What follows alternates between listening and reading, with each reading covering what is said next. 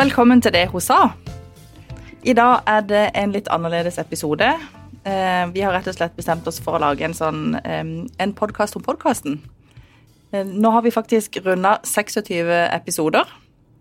Prosjektet starta jo litt som en sånn test. Vi skulle se om dette var noe som fungerte, om det var noe som var gøy, og noe som leserne våre ville ha. Og det var det. Men de som er med å lage episoden i dag, det er Monica Birkeland. Hei, hyggelig å være med. Og så er det Silje Dagsvik. Hei, hei.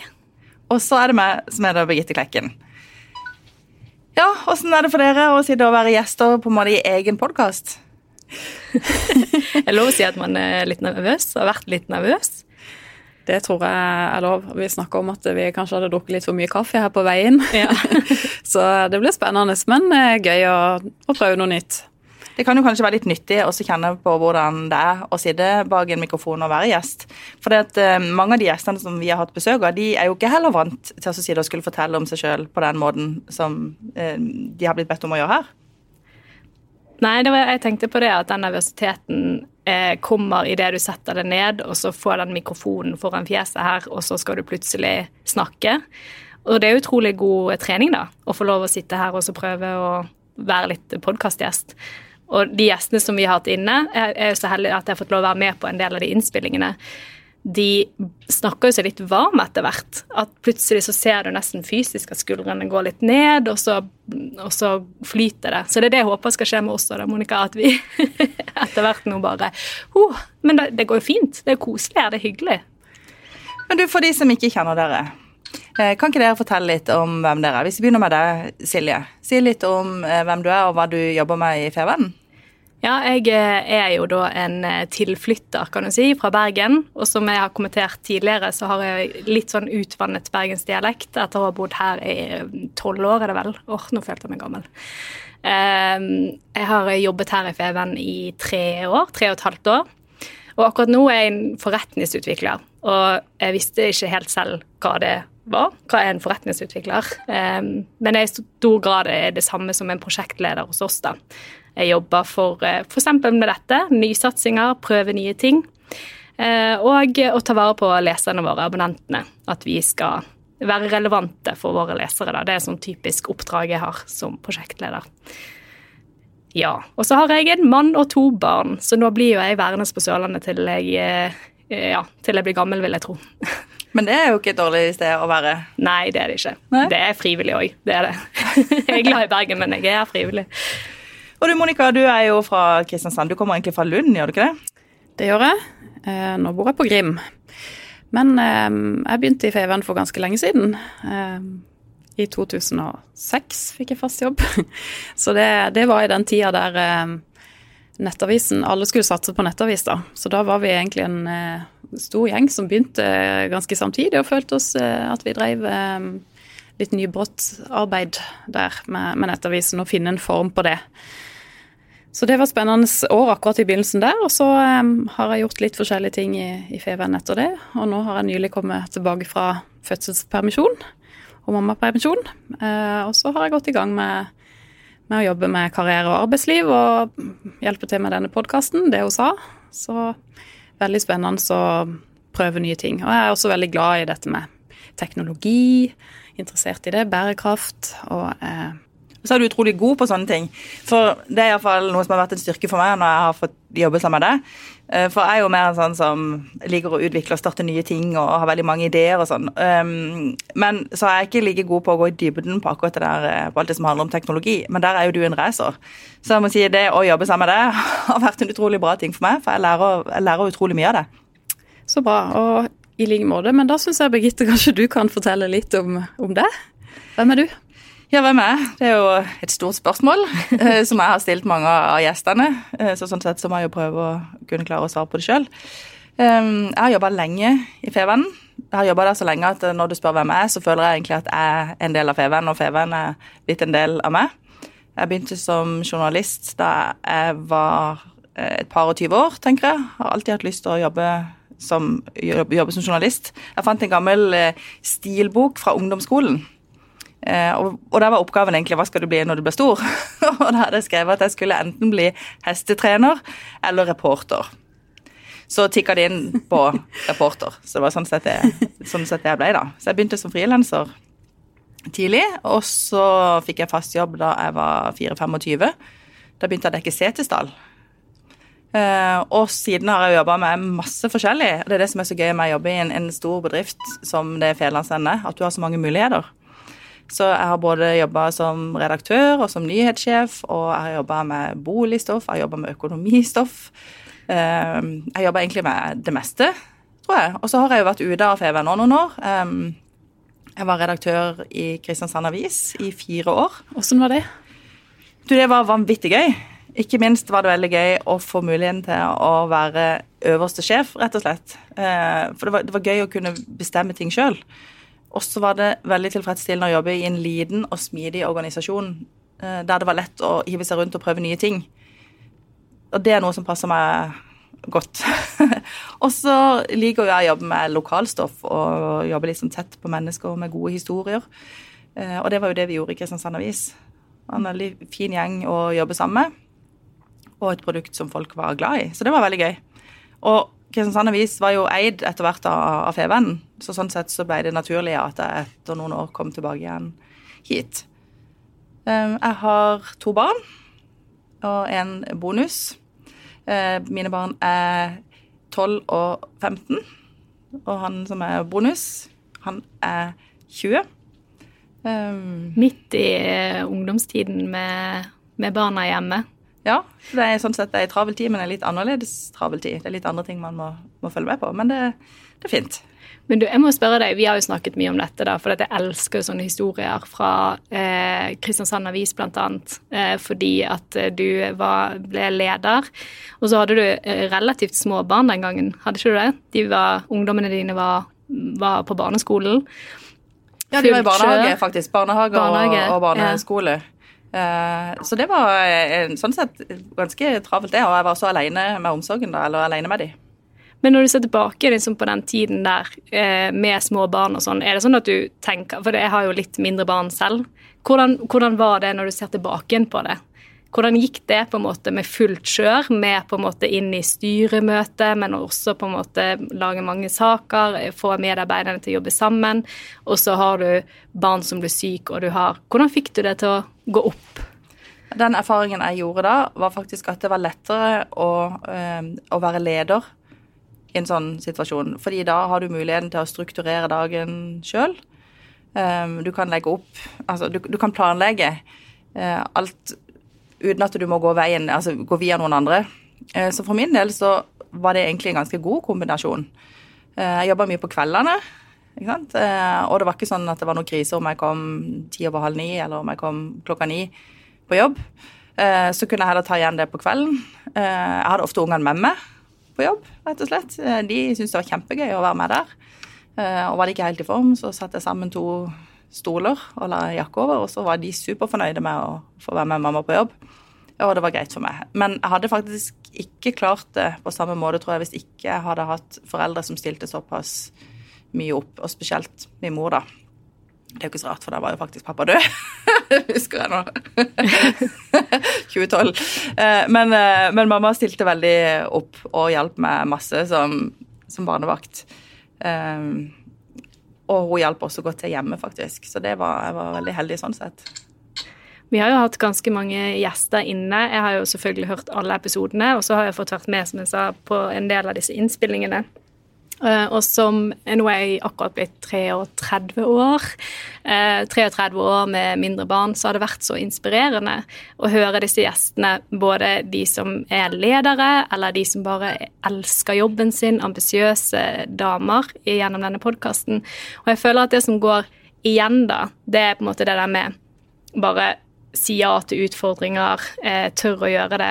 Og det tenker jeg at det har jo du gjort, da, i eh, både Kristiansand Avis og andre roller du har hatt opp gjennom årene. Du har, du har sagt ja, og så har du fått hjelp fra folk rundt deg, altså din mor osv. Og, så og det er jo det som er gjenganger hos de andre gjestene også, da. Så jeg syns det er så inspirerende å høre på. Det går, det går an, da, å bare elske jobben sin litt, og så ha barn og familie samtidig. Det er sånn noe jeg kjenner selv at jeg blir inspirert av å høre, da. Det har jo vært en god erfaring å finne ut at det er fullt mulig å ha det godt sammen med familie og barn, samtidig som man har det godt på jobb og får ting til på jobb. Men det er jo ulike livsfaser som kanskje krever litt ulik eh, tilrettelegging. Men det er fullt mulig å, å, få det til. Og den der myten om at du må være det ene eller det andre, eller det andre at du enten må være liksom, karrierebevisst eller eh, familieorientert og hjemmemamma, det, det tenker jeg det er en gammeldags tankegang som ikke nødvendigvis har så mye med virkeligheten å gjøre. Hva tenker du, Monica, som er midt i småbarnsfasen? Nei, Jeg er enig i det, og jeg syns òg, i likhet med Silje, eh, jeg har jo også små, små barn. Eh, og det syns jeg er veldig inspirerende å høre. Hvordan forskjellige folk løser dette her, rett og slett. Eh, og det F.eks. Katrine Lia, som har vært innom her, hun fortalte jo en del om hvordan hun hadde blitt inspirert tidligere i karrieren sin i, i VG. da, med at hun hadde en sjef der som var flink til å ta dette på alvor og legge til rette, og det har hun tatt med seg videre og gjør nå eh, for de som hun leder. Ja, jeg tenkte på en annen ting som hun sa i den podkasten, Katrine Lia, som da er redaktør i Agderposten. Eh, hun sa at da hun ble bedt om å ta den jobben, så tenkte hun først at nei, det ville hun ikke fordi at hun hadde lyst til å være en god mor og hadde lyst til å ha tid til litt andre ting. Eh, men eh, han som var sjef der da, han eh, ga seg jo ikke. Han spurte en gang til. Og andre gang så sa hun ja. Og, det, grunnen til at hun sa ja, var jo at hun fikk beskjed om at det skulle være fullt mulig å kombinere, og at arbeidsgiver ønska um, å legge til rette for det. Og jeg tenker Det er en utrolig viktig ting for arbeidsgiver å si hvis de skal ha tak i gode folk det der med å legge til rette ikke, altså Det er så gammeldags hvis du må bare velge det ene.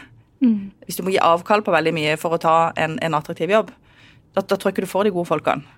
Eh, jeg tror ikke man har lyst på det. For hvem er det som har lyst til å velge vekk tid med barna sine? Det er jo ikke noen som vil det. Eller de færreste vil det. Har, du, altså, har, du, en jobb hvor det ikke er altså, det er ikke turnus, f.eks.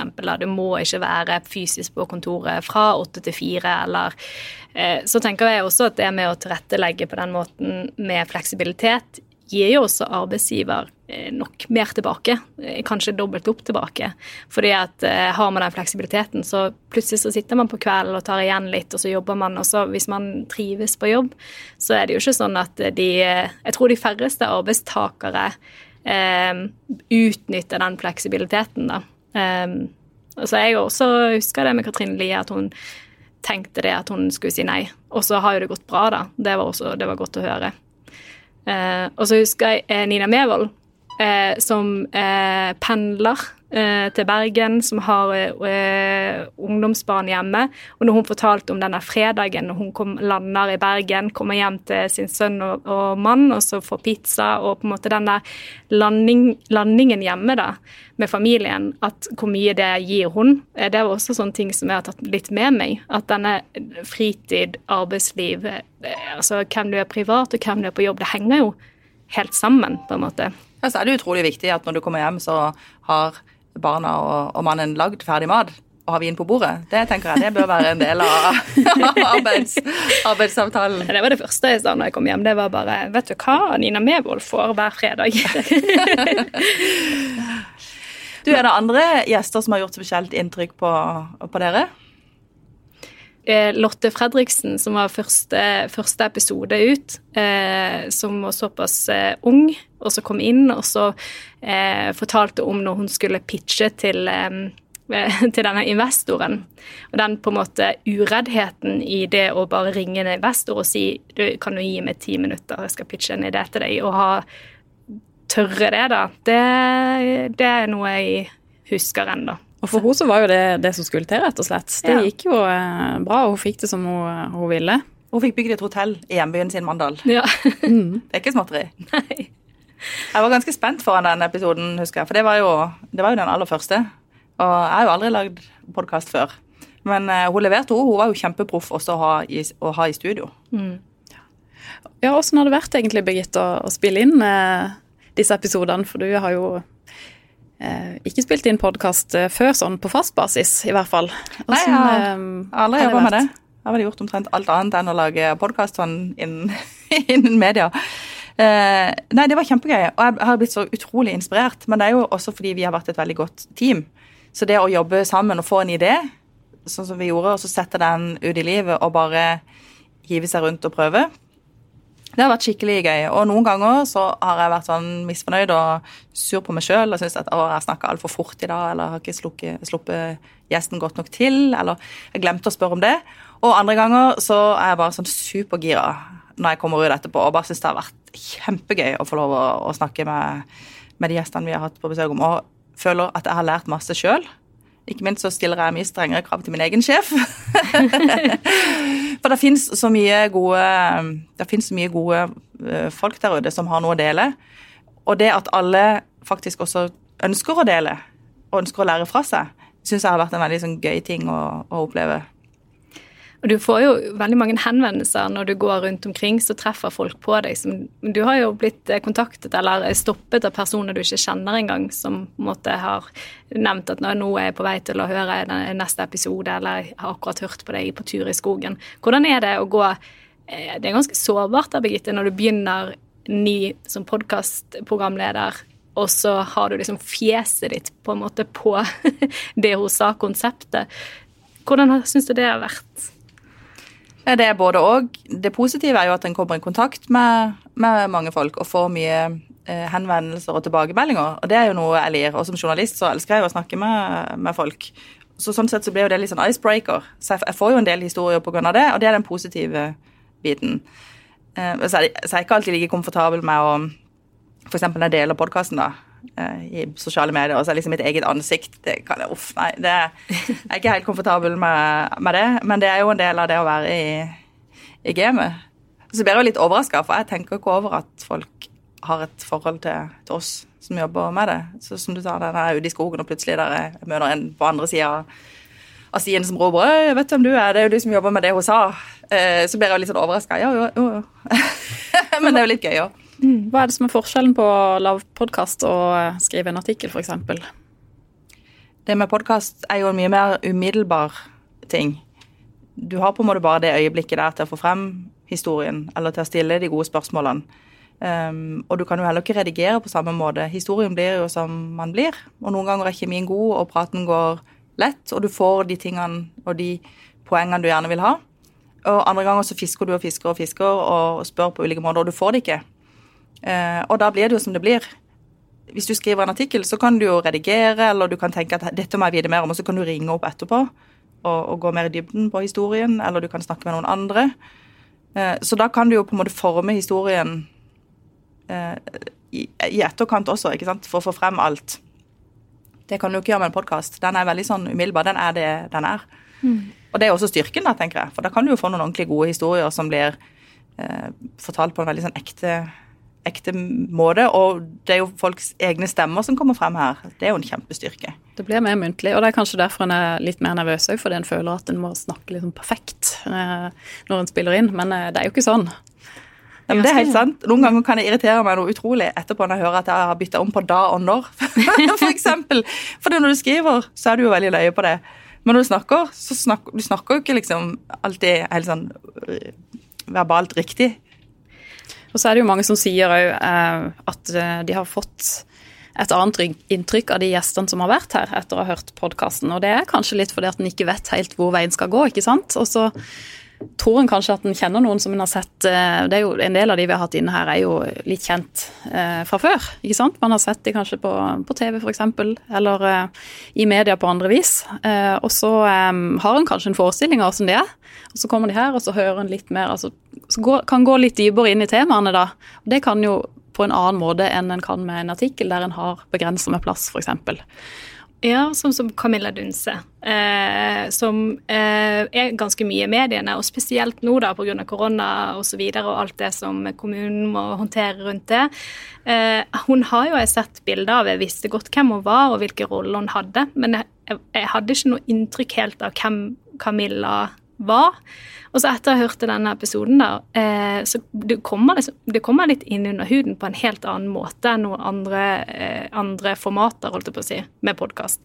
Og hun eh, bød på seg selv, og du fikk et inntrykk av Camilla som en rolig og bare person du hadde litt lyst til å bare stikke innom og ta en kaffe med, på en måte. Jeg opplevde virkelig at eh, inntrykket av Camilla Dunse, for eksempel, da, ble endret. Og etter jeg hørte den episoden, så merker jeg jo nå når jeg går inn på Feven og skal lese saker, og så ser jeg liksom bilder av Camilla, så må jeg jo inn og lese den saken. på en måte. Akkurat så jeg føler nesten litt sånn jeg kjenner jo deg, like før jeg sier hei til henne på gaten uten at hun vet hvem jeg er. Det som jeg syns var litt gøy med den episoden, um, var at jeg visste jo heller ikke Jeg visste ikke noen ting om henne privat, egentlig. Og jeg tok jo, som jeg alltid gjør, en liten runde og snakka med folk rundt henne og ba de liksom om de kunne tegne et bilde. Og det viste seg at veldig mange eh, kjente henne mest profesjonelt. Det var få som hadde noe å si, um, eller som visste noe om henne liksom som person derfor var det så gøy når jeg møtte henne og, kunne få muligheten til altså, å, å, bli litt kjent med henne. Um, og det jeg sa det igjen med etterpå, var egentlig en sånn følelse at å, jeg, ble, jeg, er veldig glad for at vi har en sånn dame som er eh, på det nivået hun er, altså som er kommunedirektør i Kristiansand. Altså Det er godt å ha en så dyktig leder, spesielt i en situasjon som vi har vært i nå. Så jeg fikk et veldig sånn solid inntrykk av henne. Um, men det er jo egentlig ikke noe overraskelse. Jeg tenker at det, altså, Vi vet jo at når du har en sånn jobb, så må, så må du være dyktig. Mm. Men det har også vært veldig gøy å bli overraska av noen av de andre gjestene. tenker jeg, Der en kanskje hadde et inntrykk fra før at den personen er sånn eller sånn. eller sånn, Og så setter du deg ned og, og dybdeintervjuer de der eller har en prat, og så finner du ut at de er egentlig noe helt annet. Og når da um, lyttere kommer etterpå og sier at de har endra inntrykk av en person fordi de har hørt podkasten, da får jeg sånn ting, her tikker det inn noe veldig viktig. Dette er, det er det vi skal gjøre. Det er det vi skal være med på. ikke sant? Vi skal være med på å løfte frem uh, dyktige kvinner, og vi skal være med på å eh, fjerne eh, fordommer. Vi skal være med på å ta vekk janteloven.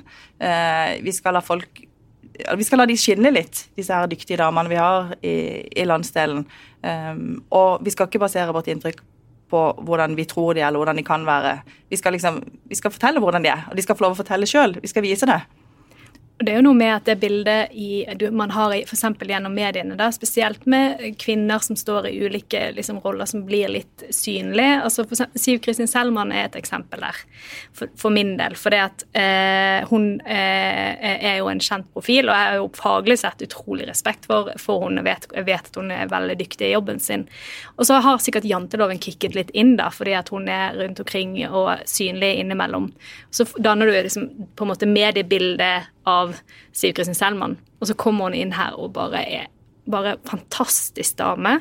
Og jeg snakket med henne også utenfor podkasten og bare tenker at i tillegg til å være så dyktig som du er, da, så er du så bevisst på å løfte andre. Du er så raus, og du tør å by på deg selv. Jeg fikk bare virkelig et godt inntrykk, et nytt, utvidet inntrykk av av Selman. Og jeg måtte ta en liten runde med meg selv da, på denne janteloven. På personer som tør å stikke seg frem, som tør å ta litt plass. Hvilke, hvilke tanker gjør man seg om de personene, da? Hun viste jo også at selv om hun er tøff, og sånn, hun fremstår utad som veldig tøff og selvsikker, så er hun jo også sårbar. Ja.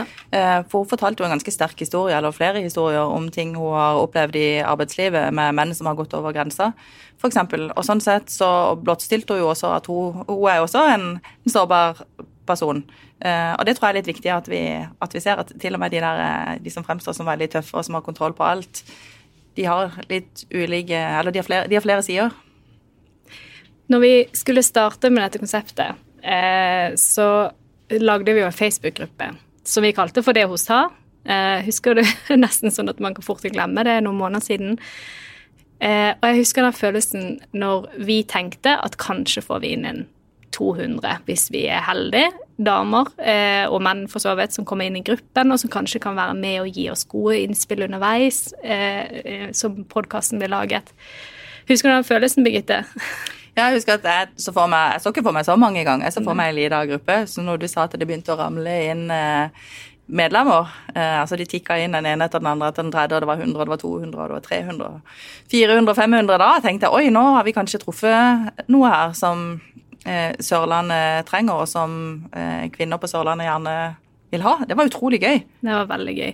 Og ja, da begynte vi å ane at ok, nå er vi inne på noe. Her er det, det er ikke bare oss som har dette behovet, det må sikkert være litt flere. Og så har det jo bare rent inn med tips til eh, kvinner vi kan snakke med. Og eh, den banken nå som Feven sitter på, på en måte med navn og potensielle kilder, eh, er jo unik, eh, syns jeg. Og eh, det at det syns jeg er en sånn god følelse, å se det at andre ønsker å løfte andre frem. Og den fremsnakkingen som foregår, på en måte både i Facebook-gruppen, men også eh, tips til deg, og nå, Monica, får du også tips. Eh, folk ønsker virkelig å hjelpe hverandre og løfte hverandre frem her på Sørlandet, da. Det er litt godt å se. Folk ønsker å hjelpe hverandre, og folk ønsker og elsker å snakke om jobben sin. Ja. Det syns jeg er en gøy ting å, å oppdage. Eh, og det er ikke sånn at de bare vil snakke om eh, eller forsvare jobben sin, eller snakke om fulltid, deltid. De ønsker at det bare snakker om jobben. Alt de får til, alt de brenner for. Eh, og de ønsker å dele kunnskapen, og de ønsker å være med på å flytte andre eh, frem. Og det opplever vi òg at en del av de gjestene vi har hatt, de har hatt så mange gode ideer til hva vi kan gjøre videre med, med konseptet og med, med podkasten. Eh, så jeg opplever virkelig at det er sånn et stort engasjement for arbeidslivet på Sørlandet. Hos damer. Og menn. Det er jo litt kult, forresten. Det er jo veldig mange menn som tar kontakt. Og det er mange som har sagt 'Å, hvorfor lager dere en sånn det han sa'? For vi har jo mange mannlige lyttere, skjønner jeg ut fra den responsen vi får, selv om det er jo litt sånn nisjeprega, da. Og det var jo noe av det som gjorde at jeg ikke helt tørte å tro på det sånn med en gang. Jeg tenkte det er jo ganske smalt. Retter seg mot lages av kvinner, retter seg mot kvinner, og det handler bare om jobb. Det er ikke fotball eller fritid eller liksom bare de gøye tingene. Det er, det er jo jobb vi snakker om. Mm. Og så er det så uh, populært allikevel. Det er veldig gøy. Mm. Monica, du har jo kommet inn når du kom inn fra permisjon. Eh, så eh, har jo du kommet inn og både liksom bare hevet det over podkast, du også. Jeg vet ikke om, Du har jo ikke noe sånn lang erfaring eh, som podkastgjest eh, eller programleder du heller? Absolutt ikke. Og eh, det var jo veldig gøy å være med første gang. altså Da skulle jo Birgitte introdusere at jeg var med i den episoden. Så visste jeg jo ikke hva jeg skulle si. så Birgitte, du introduserte meg vel, og her har jeg med Monica Virkeland i dag. Og så hei, sier du. Så sier jeg hei, hei. og så kommer jeg liksom ikke på noe mer, så det, det var litt sånn krasjlanding eh, det første jeg sa. Men, ehm, men, etter det så har jeg jo vært med et par ganger til av og til. Og det, det har vært kjempegøy og en helt annen måte å jobbe på. Man må jo, ehm, man må jo tenke annerledes når man skal prate og intervjue folk eh, på lyd enn man gjør eh, når man skriver. Og det, det, er jo noen metoder jeg har lært av det, da, Birgitte. Sånn f.eks. å ha en liten jukselapp, som du pleier. Som du bare står chill på, eller eh, pust? Eller ja, av to, av to jukselapper. Den ene står det chill på. For jeg jo, snakker jo så sinnssykt fort innimellom, så jeg må bare lære meg å, å puste og den andre står det ikke si æ'. For etter de første episodene så fikk jeg en liten sånn eh, høflig uh, henvendelse om at det ble bedre. Det var bedre å være stille enn å si eh, mens du tenker. så ikke si eh. Jeg tror jeg har slutta med det. Og du òg, ja. Silje, hadde jo noen av de. Ja, ja, men jeg tror ikke jeg har sluttet med det helt ennå, da. Men eh, ja, nei, det ligger jo bare helt naturlig i måten man prater på, på en måte. Eller snakker på. Eh, så eh. men jeg husker en annen episode hvor jeg rett og slett Jeg tror jeg hadde glemt å introdusere. Jeg husker Det var en av dere som var med, og så plutselig midt i episoden så begynte jo dere å snakke. Og da ble det litt sånn ok, det var to stemmer hele veien, og plutselig kom det en tredje stemme inn. Og hvem var det? Og så måtte jeg til å introdusere midt inni. Så vi har jo hatt noen sånn Vi er jo ikke, ikke proffe på det, men vi prøver jo å ta det med humør og tenke at det er, er bra nok. Det er iallfall noe jeg øver meg på. å si liksom, Det er bra nok. Og det er jo det en del av gjestene òg har faktisk sagt, at hvis vi skal lykkes i arbeidslivet og på jobb, så må vi på et tidspunkt tørre oss å si at ja, men det, det er faktisk godt nok vi gjør så godt vi kan. ja, og lærer, på en måte. Sant? Så det er jo det. At hvis man tør å tenke at det er godt nok, og jeg gjør så godt jeg kan, men jeg syns det er gøy å lære nye ting, så Og det er jo begge dere torda å være sårbare, prøve noe nytt. Eh, og i et konsept som er nytt, så det syns jeg er kult. da. Og så Monica, du skriver jo også saker. Eh, ja.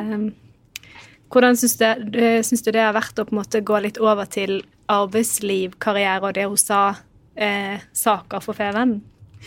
Det er jo eh, veldig gøy å prøve noe nytt. Jeg eh, har ikke jobba med det området før, og det henger jo bra sammen med denne podkasten. Eh, å skrive om det, så eh, det er jo litt sånn begge veier. Vi ser at eh, det er jo litt sånn jeg er ute og skriver noen saker, og så kommer jeg over noen navn som kanskje egner seg som gjest her, og, og motsatt at vi av og til får noen, noen tips til noen folk egentlig som gjester, da. Folk foreslår som gjester, og så kanskje det blir en sak i stedet. Så det er litt sånn at vi prøver å ta det videre på den måten og la det henge, henge sammen. Vi, vi, lager jo også, altså Det er jo podkasten, og så vi jo, er vi jo veldig opptatt av at vi vil lage enda flere saker som handler om dyktige kvinner, uh, og som handler om næringsliv. fordi at det er jo en kjensgjerning at næringslivsstoff og næringsliv generelt har jo vært dominert av, av menn. Mm. Um, tradisjonelt sett. Nå er det jo skjedd en revolusjon, sånn sett der, da, for det er jo så utrolig mange eh, damer som driver eh, gode bedrifter også, heldigvis. Eh, og vi, vil jo, vi, jobber jo kontinuerlig med det i Feven på å bli flinkere til å løfte frem de òg, til å finne nye, nye kilder. Uh, vi, vi, ønsker jo å lage enda mer godt og relevant stoff for kvinner. Nå snakker jeg mye om det, vi vil jo lage for menn òg, men vår oppgave har jo mye vært å lage stoff som er bra for, uh, for, kvinnelige lesere, eller som de gjerne vil ha. Ikke sant? Mm. Og dette har jo vært en del av det. Så det vi gjør, vi lager jo denne podkasten, og så lager vi jo det som er det karriereintervjuet. Det finnes jo i papir, ofte om lørdagen. Og så lager du en hel haug med annet stoff, eh, Monica. Og det har jo vært, Er det noen reportasjer du har lyst til å løfte frem, f.eks.? Um, ehm, nei, det er jo litt sånn generelt at det, ofte så ender jeg opp med å intervjue damer nå, faktisk. og det er jo ikke fordi at um, det, det er jo Nei, nå gikk jeg fast igjen. du, her skjedde det samme som, eh, som, eh, så mange gjester har fortalt. De bestilte et spørsmål, og så begynner de å snakke litt. Og så plutselig så bare glemmer man helt Hva var det du egentlig spurte om nå? Og det opplevde jo du også, Birgitte, når du ble intervjuet av NRK Sørlandet. Nå utleverer jeg deg veldig, da, men, eh, men det er jo Og jeg har selv opplevd det når jeg var med her, at noen stiller et spørsmål, og så begynner du å snakke, og så bare er det helt sånn det bare, Akkurat som det bare blir helt sånn tomt inni hodet. Det, det, må være et eller annet med den der ja. settingen. Det er litt vittig, det der, for det, en kan jo være så konsentrert som bare den. Eh, og så mens en holder på å svare på et spørsmål, så plutselig så går det opp for en at en har ikke peiling på hva det egentlig en svarer på. Og det er jo mange som har sagt til gjestene her Hva var det egentlig du spurte om nå? Og det er jo mens de holder på å svare på spørsmålet, egentlig. Mm. Og det har jo vi diskutert. Og så var jo jeg, som du sa, i NRK Sørlandet for å snakke om det hun sa. Og så mens jeg holder på å svare på direkten, så bare går det opp for meg Og jeg kjører jo på, ikke sant? jeg snakker jo mye. Så går det opp for meg at jeg aner ikke hva det egentlig er holder på Jeg aner ikke hva det er jeg holder på å svare på. Så tenkte jeg får bare runde av dette og svare litt sånn generelt. og runde av dette svaret. Og så var jeg jo litt spent etterpå på å høre hva egentlig, hvordan det gikk. Men det gikk jo greit. Men det er en ganske vanlig ting da, når man får mikrofonen opp. At det plutselig blir litt bomull i hodet. Det var sånn du beskrev det, Silje, den ene gangen. Ja, det var det. Bomull. Ja, det var akkurat sånn det føltes. Men spørsmålet var vel egentlig Monica, om det var noen sånne saker som du ville ta opp igjen? Nei, som du, ville, som du husker godt?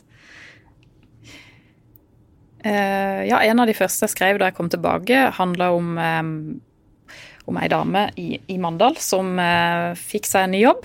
Og så hadde hun ikke lyst til å bo i Oslo, der jobben egentlig var. Så hun um, fikk lov til å bosette seg i Mandal, der um, kjæresten var fra, og hadde barn der. Eh, og rett og slett ta med seg jobben og sitte der og jobbe eh, remote, som de kaller det. Så hun var med i et kontorfellesskap der. og eh, eh, syns det fungerte veldig bra. Da fikk hun litt luft rundt seg, som hun sa, i Mandal. Og hun fikk samtidig den jobben hun ønska. Det var gøy å høre hvordan de tenkte rundt det, for det er kanskje noe som kommer mer etter hvert. At folk kan bo andre steder enn jobben fysisk er. Mange oppdager kanskje det nå under pandemien også, at hjemmekontor kan fungere for mange. Og så er det noen igjen som ikke syns det fungerer like bra. Men, um, det, nye trender i arbeidslivet det er nok noe vi vil se mer av. Ja. Du tenkte på en annen episode som skilte seg litt ut. Det var den med Katja og Siri Leland. Da hadde vi jo faktisk mor og datter inne samtidig. Det var en lang podkast. Vi snakka over en time, tror jeg. Vi snakka så lenge at lyset gikk inn i studio. Det ble mørkt. Men eh, det var òg en veldig sånn, interessant episode å, å lage. Eh, Katja Leland har jo en veldig tung jobb. Det er ikke så mange så tunge jobber på, på, på Sørlandet. Hun jobber i Elkem som direktør for HR internasjonalt, altså i konsernet. Opprinnelig finsk. Uh, er utrolig kul dame, rett og slett. Um, som har gått litt under radaren. Det var ikke så mange som hadde hørt om henne før, tror jeg. Jeg kjente heller ikke til henne. Og så var det jo dattera hennes, Siri Leland, som er supermodell. Som på en måte gjør karriere på en helt annen måte. Men de to hadde et veldig sånn, godt samspill. Det var veldig gøy å snakke med dem, syns jeg. Ja, og det var eh, gøy å høre også at hun eh, nærmest inviterte lytterne til å hvis det er noen som trenger en mentor, for det hadde hun gjort mye tidligere. da. Hun hadde hjulpet andre som eh, hadde spørsmål om hvordan man skulle ta karrieren videre, kanskje. Så hun, hun, sa at hvis det er noen som trenger noe råd, så kan jeg bare ta kontakt. Og det er det vel også flere som har gjort, er det ikke det? Jo, det er flere som har sagt at de gjerne vil komme med råd, at det er bare ja. spørre om, om, hjelp. Og det er igjen det der med å dele som jeg syns er en veldig sånn, bra ting. At de både deler råd og vil dele sin erfaring. Sånn som de som har kommet eh, litt lenger og jobba, har lenger, vært lenger i arbeidslivet, eh, ønsker å være med på å løfte frem de yngre. En veldig, veldig god ting, syns mm. jeg. Mm. Og her på Sørlandet så er det jo litt uh, kjensgjerning dette med at en god del stillinger lyses aldri ut. Det skjer jo mye på nettverk. Så nettverksbygging har jo også vært en sånn tematikk som har gått litt igjen, da, og viktigheten av det å bygge nettverk. Og jeg føler meg nesten Jeg, har hørt så mye om det og lest mye om det selv, men jeg føler meg fortsatt ikke helt ferdig med det, den tematikken, så det håper vi får høre mer om. Men, eh, men, det er jo litt det som skjer her, da, når, eh, når Leland da tilbyr seg å være en mentor, eller at folk kan bare ta en liten kjapp telefon og spørre hvis det er noe de lurer på, eller Det blir liksom en litt sånn eh, nettverksbygging i seg selv, da. Ja, og det temaet der eh, snakka jo også en annen gjest om. Det var Miriam Chango. Hun var en av de første gjestene. Eh, det vil si, hun har faktisk vært med to ganger. Hun var med en gang som hovedgjest. og så var hun med en gang i en temaepisode om hjemmekontor. Hun jobber jo i Athea. Men noe av det jeg husker fra den episoden eh, med henne, var at hun fortalte om da hun ble eh, kåra til årets kvinnelige leder for noen år siden. Hvor hun da tenkte at det kom til å åpne mange dører for henne. Eh, men det som skjedde, var jo at det ble ganske stille etterpå. Hun sa at folk fikk nesten litt sånn berøringsangst. Eh, og når hun da var på jakt etter ny jobb, så opplevde hun at det var faktisk ikke så lett. Bl.a. fordi at en del av rekrutteringa går eh, gjennom etablerte miljøer. F.eks. at du er en del av en menighet, eller ja, går i spesielle miljøer. Eh, så jeg syns hun var litt tøff som satt ord på det, mm. rett og slett. For det, for det, er nok ei utfordring både på Sørlandet og også sikkert andre steder, men det at rekruttering at du, du av, er avhengig av å være en del av et, et, miljø for å komme til de eh, mest spennende jobbene, kanskje. Mm. Opplever at Næringsforeningen har ganske fokus på disse tingene her og på en måte jobber for aktivt for både at flere stillinger lyses ut, men også for å legge til rette for på en måte nettverk, sånn som under 40 år er et nettverk Næringsforeningen har. Det høres ut som vi driver reklame for Næringsforeningen, men det skjer jo mye bra der på Sørlandet også, i utviklingen av næringsliv av arbeidsliv. Eh, og det er, jo, det er jo det er egentlig uendelig av saker å ta av, i hvert fall. og da er vi jo på Vibeke Holmrud, mm. som jo faktisk leder dette nettverket som drives eh, Det heter Women in Business, og Næringsforeningen er jo også med på å drifte det. Mm, det er riktig. Der er jeg faktisk eh, med, da. Eh, men jeg har bare vært på én samling foreløpig. Og jeg var litt sånn eh, Kommer inn og ikke kjenner så mange Tvangsmingling det er kanskje noe av det jeg liksom har minst lyst til å holde på med. Men det opplevdes bare ikke som tvangsmingling. Det opplevdes som mange personer som bare var kjempeinspirerende å hilse på. og lav terskel for å kunne snakke om alt mulig, da. Og dermed bli litt bedre kjent. Så det skal jeg tro jeg kommer nok til å fortsette å være med på det. Ja, Det snakka også jentene på Bårli om, for de hadde vært med i det. Eh, og Det var, veldig, det var viktig for de da de eh, skulle starte opp, og, spesielt dette som de holder på med nå. Eh, de hadde jo et gjestehus først på um, Spangereid, som de begynte med. Og så gikk det noen år, og så tok de over ved fiskemottaket der de holder på nå. Og Da var de f.eks. i tvil om hva de skulle kalle bedriften, og var innom mange lange navn og vanskelige navn. Og så var de med på et møte i et sånt nettverk, nå husker jeg ikke helt hvilket det var eh, for øyeblikket, men, men det, ved hjelp av det da, så kom de på navnet som har blitt navnet på bedriften i dag. Og de eh, har lykkes med, med den bedriften eh, både ved å skape arbeidsplasser for seg selv og for en eh, gjeng som jobber der. Du, noe, av det vi gjorde der, Monica, der, eh, det, der lagde vi jo episoden på en litt annen måte. For vi reiste jo ut til Båli Vi hadde med oss Per, som er tekniker, og vi hadde med oss fotograf Kristin Ellefsen. Og det var du, Monica Birkeland, og det var meg. Og så møtte vi disse to driftige damene og satt ned på bryggekanten og spilte inn podkasten mens det kjørte fiskebåter rundt, og det var måker. og det lukta krabbe og reker. Det var så koselig. Ordentlig idyllisk. Ja, det var det, men det var veldig gøy. Og det er jo egentlig noe av det jeg kunne tenke meg å gjøre enda mer av fremover. rett og slett At vi tar med oss utstyr. Nå har jo Per kjøpt inn uh, godt innspillingsutstyr til oss, sånn at vi rett og slett kan dra ut og lage podkast fra uh, Altså besøke bedrifter, og også reise ut av Kristiansand. Vil vi jo gjerne gjøre. Men det er jo ikke alltid det utstyret fungerer optimalt. For nå kommer jeg på en annen ting. Det var rett og slett uh, i vinter på en ganske sånn Det var ganske sånn stressa, eller en ganske sånn travel periode. da. Vi var litt stressa, både du og meg, Silje. Monica, du var fremdeles i, i permisjon. Og vi skulle spille inn flere podkaster på kort tid, samtidig som vi gjorde mye annet. Og vi fikk tak i en super gjest, eh, Heidi Taraldsen, Ja. som jobber i, i, i fengselet. Hun er fengselsoverbetjent, tror jeg, eh, stillingen hos henne nå. Eh, og hun kom inn på kvelden, og vi rigga oss til oppe i måtte sitte i kantina, faktisk, da, for det var flere sendinger samtidig. Og fikk en kjempegod prat med henne. Utrolig spennende å høre hvordan det er i et moderne fengsel i dag, og ikke minst hvordan det er å være kvinne i et ganske mannsdominert miljø. Og når vi da var ferdig og var glad og fornøyd og skulle høre gjennom, så hadde det skjedd, Silje? Nei, da hadde jo båndopptakeren som vi hadde brukt, eh, slått seg av etter nøyaktig 13 minutter. Eh, og det bare Jeg kjente bare liksom hjertet sank litt grann ned i magen. For vanligvis så har vi den, eh, en sånn bauta av en mann, Per eh, som Moseid, som er bare eh, Han er, er sikkert Sørlandets beste på det som har med teknikk på bl.a. podkaster også. Eh, eh, der. En liten fremsnakk av Per der. Ja, det var en liten fremsnakk av Per. Jeg vet ikke om han ser meg. Men uh, så uh, denne gangen var det jo rookie Silje Dagsvik som skulle inn og så prøve å fikse uh, opptak. da.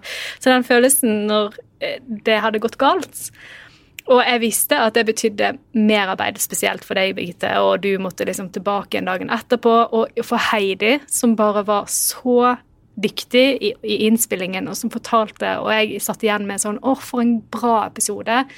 Og så må du begynne å gjøre det på nytt igjen. Da. Åh, det var kjipt. Men utrolig sporty av henne å komme inn dagen etter Det var det. og stille opp. Veldig gøy. Og veldig gøy å høre fra en, en bransje, hvis vi kan kalle det det, da, eller et, et yrke da, som vi ikke eh, normalt hører så mye fra. Så takk til, takk til Heidi Taraldsen, altså. Ja, Og for tålmodigheten. Og for tålmodigheten, ja. Ja, det var interessant å høre på. eh, Hun trakk jo også frem dette med forskjellen på, på kvinnefengsel, som hun eh, er en del av, og, eh, og hvordan mennene har det i fengsel, og at det fortsatt er, er litt ulikheter der. Ja, det, og det var ikke jeg klar over. Så veldig bra at vi fikk satt søkelyset på det, tenker jeg. Men du, Det er så mange gjester. Jeg har egentlig lyst til å nevne alle sammen, men da hadde podkasten blitt veldig lang nå. Men uh, har du noen du har lyst til å trekke frem, du, Silje? Kan jeg nevne Siri Lande, da.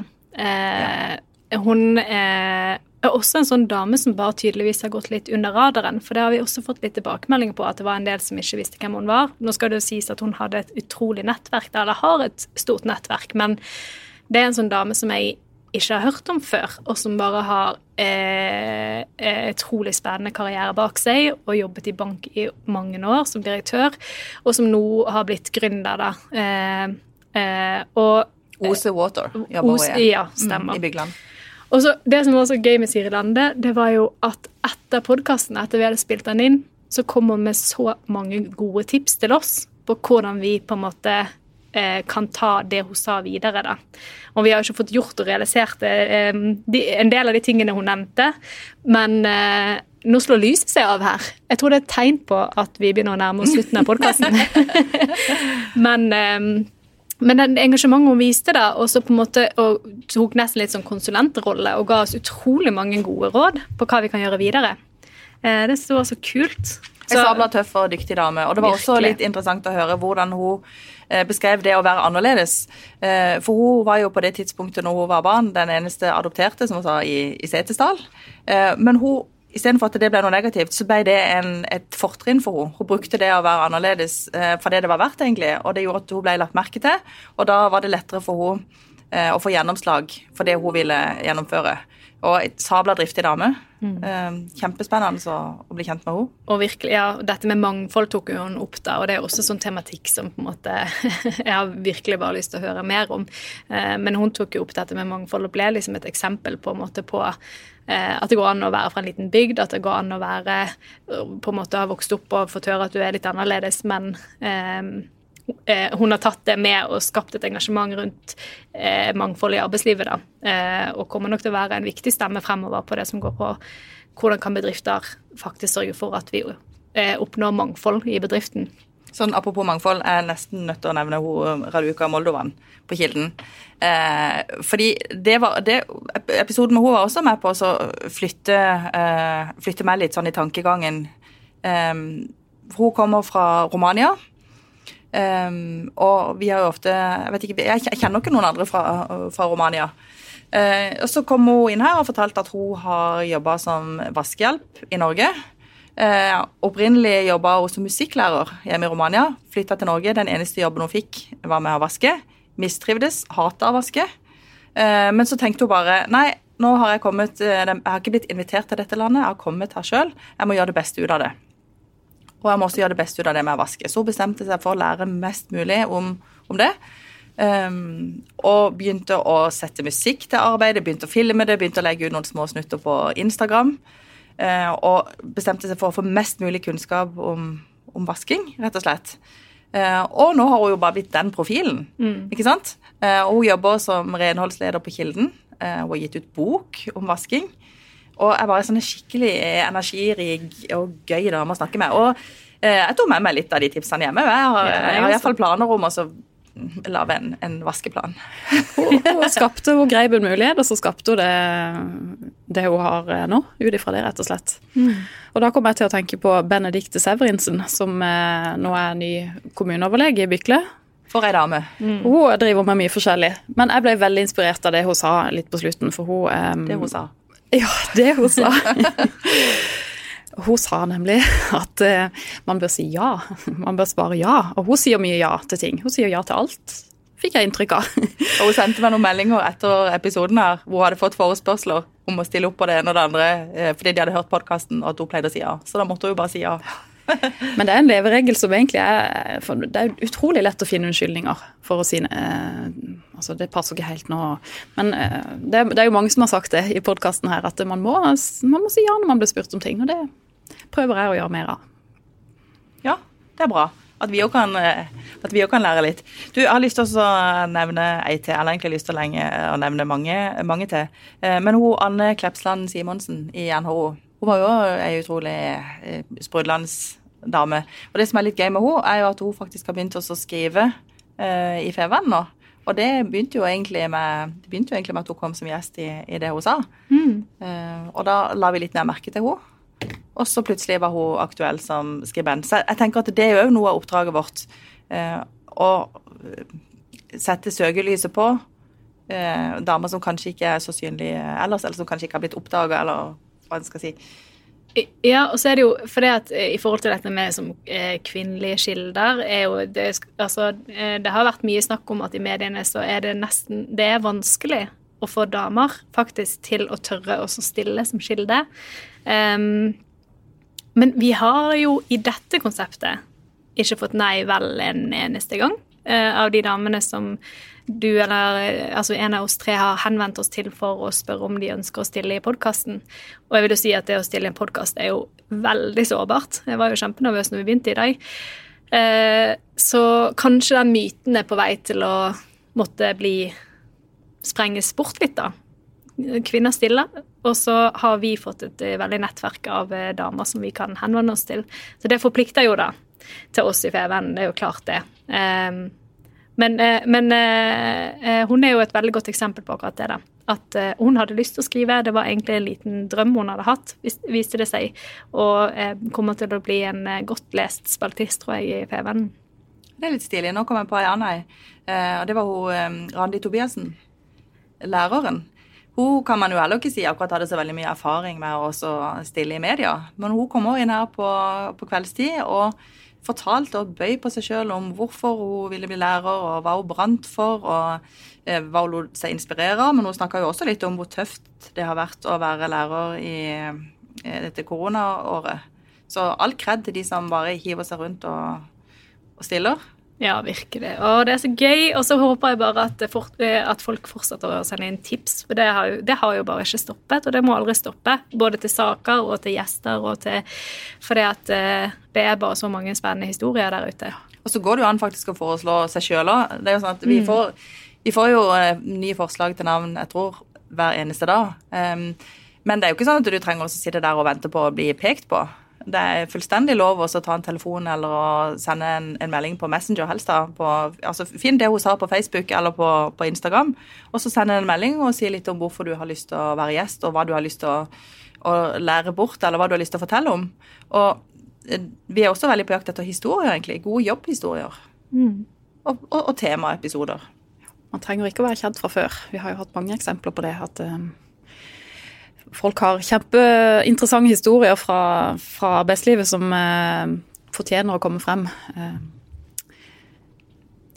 Monica Tradseth, f.eks. Hun eh, har vel ikke vært så mye i media kanskje før, men eh, hun er fastlege. Og hun, eh, hun har eh, gjort mye interessant. Hun har jo gått fra å være bioingeniør først og så eh, var det noe innen IT etter det. Jeg tror det ble IT, eller uh, omskolerte seg til IT-konsulent, ja. Og så litt opp i 30-årene, tror jeg hun sa.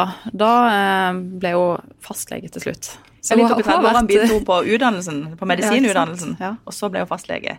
Det står ganske stor respekt av det, og egentlig foreslår jo legen at hun skulle bare bli ufør, fordi at hun hadde så hun sleit med nakkeskade og kneskade og diverse sånne. Men det hadde ikke hun lyst til. Hun hadde lyst til, hun følte hun hadde mer å mer å gi, og hadde alltid hatt en drøm om å studere medisin.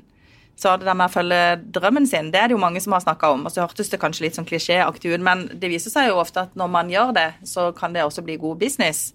Og nå er jeg jo over på den siste episoden med Monica Nyhus. Eh, og der fikk jeg òg liksom noen eh, overraskelser, egentlig. For jeg har jo sett litt på denne kontoen og tenkte at og, og, før jeg egentlig så nærmere på det, da, så tenkte jeg mer at det var en sånn bare en sånn sosiale medier-greie. Litt sånn.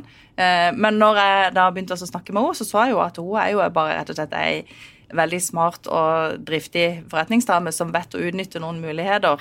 Så er det ikke noen tvil om at noe av det hun driver med, også er omdiskutert. Eh, mm. Men det er også en diskusjon som jeg egentlig syns er litt gøy å ta her i det hun sa. Vi trenger ikke bare snakke om alt det rosenrøde og alt det perfekte. Vi skal snakke om både det som er, kan være utfordrende, og det, det som ikke Eh, fungerer, altså om ting som bør være annerledes.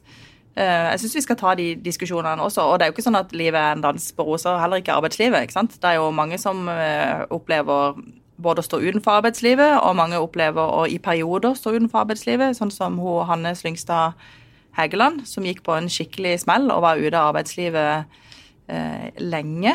Og var vel nesten sånn at hun lurte på om hun kunne komme i gang igjen.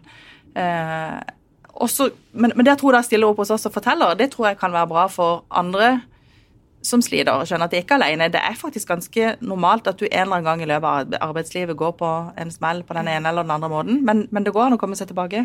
Der syns jeg Kristin Øygarden eh, forklarte det på en veldig god måte. Eh, for det første så eh, modig, da, som stiller opp i podkasten og forteller om personlig, eh, noe så personlig som hun har gått igjennom med å være ufrivillig barnløs, eh, men også det å stå utenfor arbeidslivet. Eh, og Kristin Øygarden, som er en utrolig dyktig dame, som har fått gjort såpass mye i arbeidslivet sitt, og som er veldig ambisiøs. Det å fortelle om det å da stå utenfor arbeidslivet er eh, det, det var sterkt, for, i hvert fall for min del, å høre på. Men hun forklarte det litt som at um, når du står utenfor arbeidslivet, så skal du på en måte hoppe på et tog i fart. Nei, en karusell, sa hun, i fart. Og jeg syns det var en så god beskrivelse eh, av på en måte sånn det nok oppleves å stå, og så hvordan skal du liksom hoppe, komme deg inn, og så er det, eh, går den karusellen rundt og rundt, da.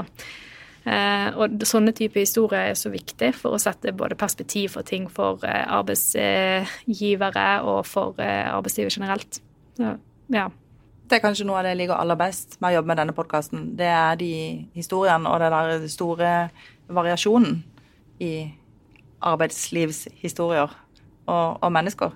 For det er jo det det handler om når det kommer til stykket. ikke sant? Det handler om mennesker og menneskers historier. Og jobben er jo en veldig stor del av, av livet vårt. Og så har vi jo noen faste spalter i eh, podkasten. Eh, vi har jo en som er Du spør jo alltid, Birgitte, om å fremsnakke en person. Og kanskje vi òg gjør det? Kan vi, kan vi, ta en liten fremsnakk? Nå har vi jo fremsnakket eh, masse, men, men, en litt sånn personlig fremsnakk. Jeg kunne tenkt meg å høre dere fortelle litt om en person som har betydd noe i deres arbeidsliv. Ja, jeg kan godt, eh, jeg kan godt begynne. jeg har jo egentlig en del eh, menn som jeg kunne tenkt meg å, å, å fremsnakke, men siden dette er en podkast som heter Det hun sa, så tror jeg at jeg, de får ha meg unnskyldt, de som føler at jeg ikke blir nevnt nå, da. Eh, men jeg har lyst til å nevne noen damer som har vært viktige for meg.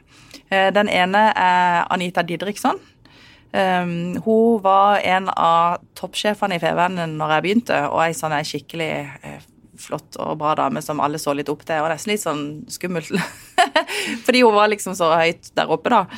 Uh, men hun så meg egentlig helt fra, uh, fra starten og var utrolig hyggelig. Uh, når jeg sto i kantina og skulle kjøpe mat, så sa hun 'hei, hei, Birgitte, åssen går det?' og sånn. Hadde liksom alltid tid til å å, se folkene rundt seg. Eh, og så husker jeg en gang hvor hun sa til meg Hun sa oppe på dette store hjørnekontoret sitt i andre etasje, der markedsavdelingen holdt til. Og så sa hun Birgitte, ja, hvilke ambisjoner har du, da? Så tenkte jeg jeg hadde vel aldri tenkt ordet ambisjoner. jeg var journalist og var veldig fornøyd med, med det. Uh, og jeg hadde vel begynt å jobbe litt som reportasjeleder og likte det òg, men jeg hadde ikke satt meg noe mål. Men så sa hun ja, du burde jo bli redaktør. Og da tenkte jeg redaktør, er du sprø? Uh, det hørtes ut som en utrolig rar tanke, syns jeg. Men allikevel så sådde det et eller annet i meg som gjorde at den dagen det plutselig ble en redaktørstilling som på en måte var aktuell, hvor jeg ble, fikk en henvendelse om det, så hadde jeg allikevel da tenkt den tanken. Så da var ikke det så fjernt. Så da tørte jeg faktisk å hive meg på uh, det toget og, og, og, bli redaktør. og når jeg fikk den jobben, så var hun faktisk også en veldig, veldig god faglig, faglig støtte med stor integritet og stor kunnskap. Så hun var viktig for meg. Eh, den andre jeg vil nevne, er Monica Grimstad. Hun var også eh, leder i TVN når jeg begynte, og hun var den første som sa til meg at du Birgitte, du har ikke tenkt på å bli leder en gang? Eh, for jeg har et kurs som jeg tror kanskje kunne være interessant for deg. Og da fikk jeg egentlig litt den selvtilliten som skulle til for at jeg ble med på et sånn lederutviklingsprogram. Jeg hadde ennå ikke fått noen lederjobb da, men jeg fikk det etterpå. Og det er ikke sikkert at jeg hadde tenkt den tanken engang hvis ikke hun hadde uh, nevnt det for, for meg da.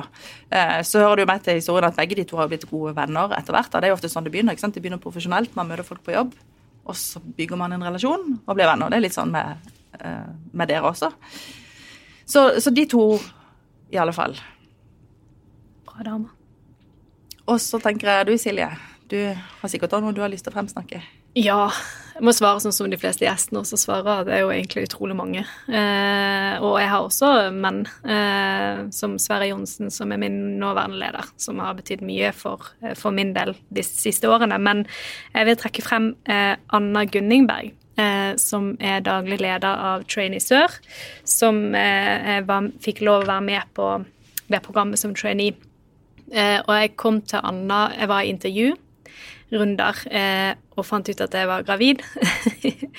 eh, ikke helt eh, nydelig timet å sitte på et intervju eh, og så være litt sånn nylig funnet ut at å ja, eh, nå var jeg visst gravid, ja. og Anna satset på meg likevel. Eh, og jeg fikk lov å jobbe for Anna. Nå var det jo også flaks, hun trengte min kompetanse for Trainee Sør, så jeg fikk lov å jobbe for Trainee Sør mens jeg var gravid. Og så kom jeg tilbake fra permisjon og begynte da første, min første trainee-plassering, som var her i Feven. Eh, men Anna bare gir absolutt alt hun har for sine traineer hvert eneste år. Eh, og er på en måte alt fra mentor, mamma til eh, venninne til kollegaer. Så hun tar så mange roller for de som er traineer, da, og løfter frem unge personer inn i arbeidslivet. Så hun har betydd mye for meg personlig, for at jeg kommer inn i inn i Feven, egentlig, og jobber med noe jeg brenner for. Og eh, sånn profesjonelt, da. Så Anna Gunniberg er, fortjener en sånn høy high five. Jeg har også noen jeg gjerne vil fremsnakke. Um, og da vil jeg gjerne trekke frem uh, Sissel Pettersen, som er daglig leder på Snadderkiosken i Kristiansand. Hun var um, min første leder sånn, i min første ordentlige jobb. Da var jeg vel 17 år da jeg begynte der. Og eh, hun har jo drevet videre denne familiebedriften. Um, og det er ikke bare bare. Uh, man skal jo tilpasse um, det til et nytt marked, så Men det har hun gjort på en uh, forbilledlig måte. Um, så er det jo sånn at det er veldig mange unge som kommer inn der og jobber på sommeret og forskjellig, men hun uh, har den veldig behagelige balansen mellom det å se hver enkelt og støtte der man trenger det, og være myndig. Jeg syns det er litt kult at du nevner noen som du jobba for for såpass lenge siden. For jeg tenker Det sier litt om hvor viktig det er at du møter en bra person eh, når du er ny i arbeidslivet. Mm. At du treffer noen som virkelig eh, tar, tar, litt hånd om det og, og, bryr seg om det og ser det. Det betyr kjempemye, det å få en god start på arbeidslivet. Og det at du liksom bærer med deg den erfaringen resten av arbeidslivet, det, det sier litt om hvor viktig det er.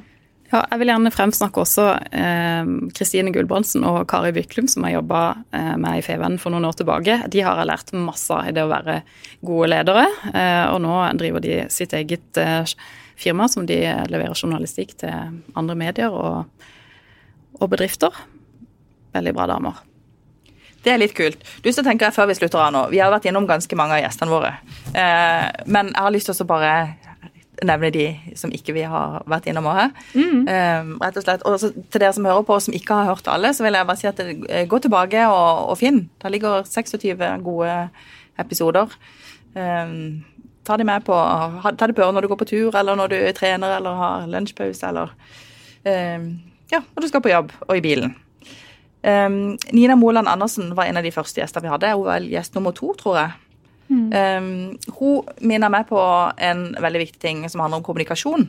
Det er det jeg har tatt med meg litt, hvor viktig det er å snakke med sine ansatte. Og det var en veldig spesiell periode hun kom inn her på, for da var det var nesten alle permittert. Og hun hadde sjøl vært permittert, så hun sto i en veldig vanskelig situasjon. Ehm, men hun snakka mye om hvor viktig det var å ringe til medarbeidere, de som var hjemme, altså enten de var permittert eller sykemeldt. Altså hold, hold kontakten og informer. Det tok jeg med meg, ja. jeg med meg fra henne. Uh, Jannik Arnesen, hun gjorde litt inntrykk på deg. Spesielt, hun, hun gjorde en spesiell ting. Ja, hun eh, fortalte om når hun traff eh, eh, Nei, hun, var, hun, traff en pasient eh, som lå for døden. Theis Salvesen. Theis Salvesen. Og så eh, satt vi her i studio, og jeg satt jo og hørte på, Birgitte og Jannicke snakket sammen. Og så forteller Jannicke om dette møtet, og så fortalte hun at han Eh, så hun og begynte å synge. Og så sang Jannicke inn i studio her. Jeg får gåsehud når jeg snakker om det. Er det den der We'll Meet Again? Ja, We'll Meet Again. Ja, jeg skal ikke tror ikke du skal synge? Nei, jeg Nei. tror ikke det heller. Jeg er enig. Jeg er enig. Nei, men det ble, det ble skikkelig sterkt. Jeg fikk jo da altså eh, tårer i øynene og eh, egentlig nedover kinnet. da. Jeg begynte jo eh, liksom eh, å grine litt, for jeg ble så rørt av måten hun fortalte det på. Ja, det var faktisk et sterkt, et sterkt øyeblikk. Mm. Så hadde vi inne en psykolog som var sabla god på sosiale medier, Monica. Og hun syns jo du var veldig kul. Ja, Maria Abrahamsen Østhassel hun kjenner jeg fra før, bare fra sosiale medier. For det, hun er jo psykolog, eh, egentlig. Og så eh, begynte hun i var Farsund kommune i ny jobb og skulle være kommunepsykolog. Og eh, så kom korona, og hun visste ikke hvordan hun skulle få tak i eh, målgruppa si. Og så hadde hun et litt utradisjonelt forslag om at hun kunne bruke sosiale medier til å nå ut. Og det har hun gjort, og hun har blitt kjempepopulær som syk deg. Um, og det å eh, finne på et sånn et nytt produkt, da, og bygge det sånn som hun har gjort, med den innpakninga. Ja, veldig, veldig, veldig stilig. Det er bra å kunne bruke seg sjøl på den måten. Så har vi eh, Margit Dale også. Hun har vi heller ikke vært innom ennå. Men eh, for ei dame, altså. Og for en dialekt. Ja, kjempefint. Eh, jeg sa det etterpå at jeg ble sånn fascinert, og det høres jo ut som musikk nesten når hun snakker, altså. Ja, så var jeg så fornøyd, for jeg forsto alt hun sa. Så hun klarte å stå. Jeg var redd for at jeg ikke skulle helt forstå alt hun sa med dialekten, i og med at jeg ikke er så vant til til den dialekten. Men det er bare en av de nyligste dialektene jeg har hørt. Ikke sant. Men budskapet hun hadde også, var, var spennende å høre om. Eh, hun kom jo hjem til bygda. og eh, skulle ta over gården fra Oslo. Hun var sykepleier, egentlig. Åssen hun har bygd opp eh, produktet eh, rundt en historie. Du var jo oppe og besøkte Birgitte. Ja, jeg var oppe på gården der på Dale i, i Valle. Og det jeg lærte mest av, var jo egentlig det der med hvor viktig historien rundt produktet ditt er hvis du skal starte noe, noe nytt. Du må på en måte ha en, du må ha en historie å fortelle, og det hadde jo hun da hun hadde funnet denne kokeboka til bestemora på loftet og hadde lyst til å begynne å lage disse tradisjonsrettene.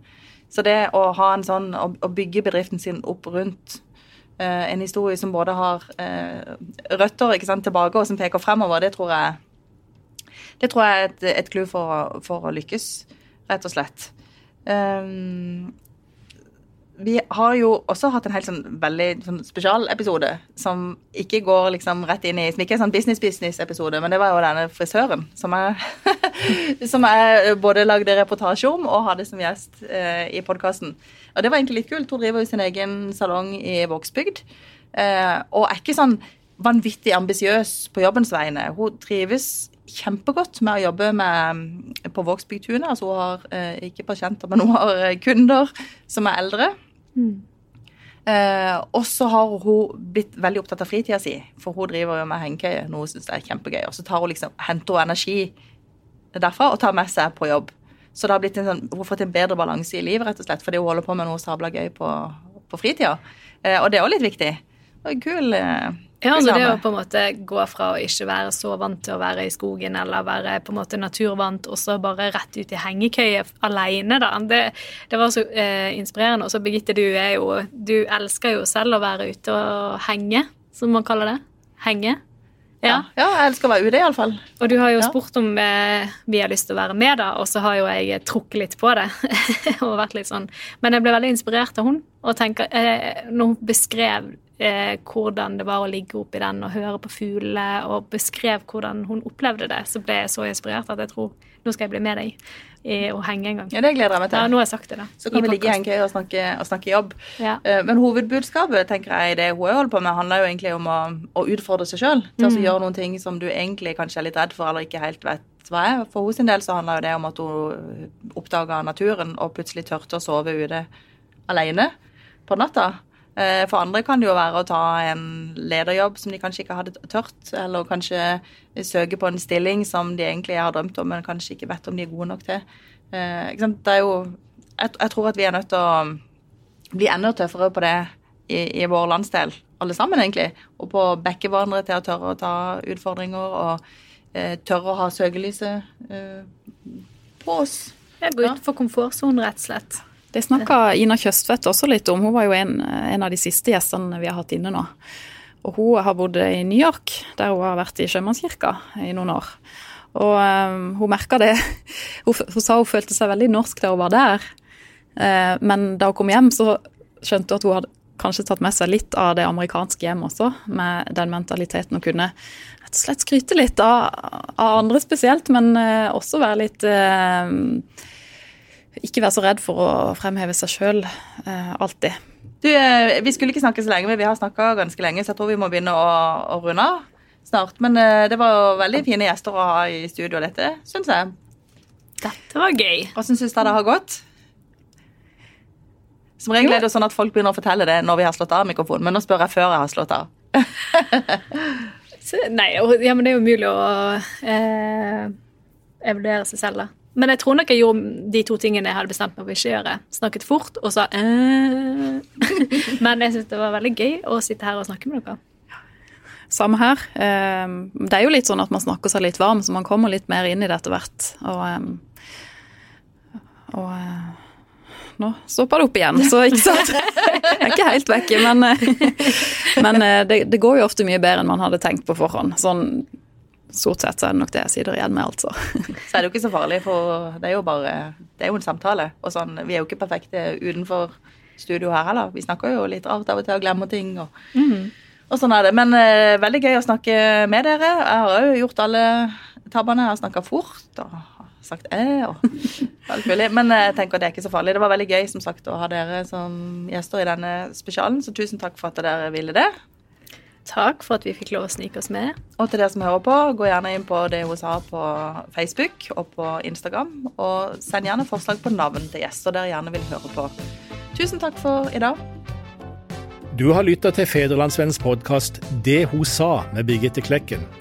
Har du tips til andre bra damer vi bør snakke med, eller har du lyst til å dele inspirerende erfaringer fra ditt arbeidsliv? Ta kontakt på dethosa1fun.no.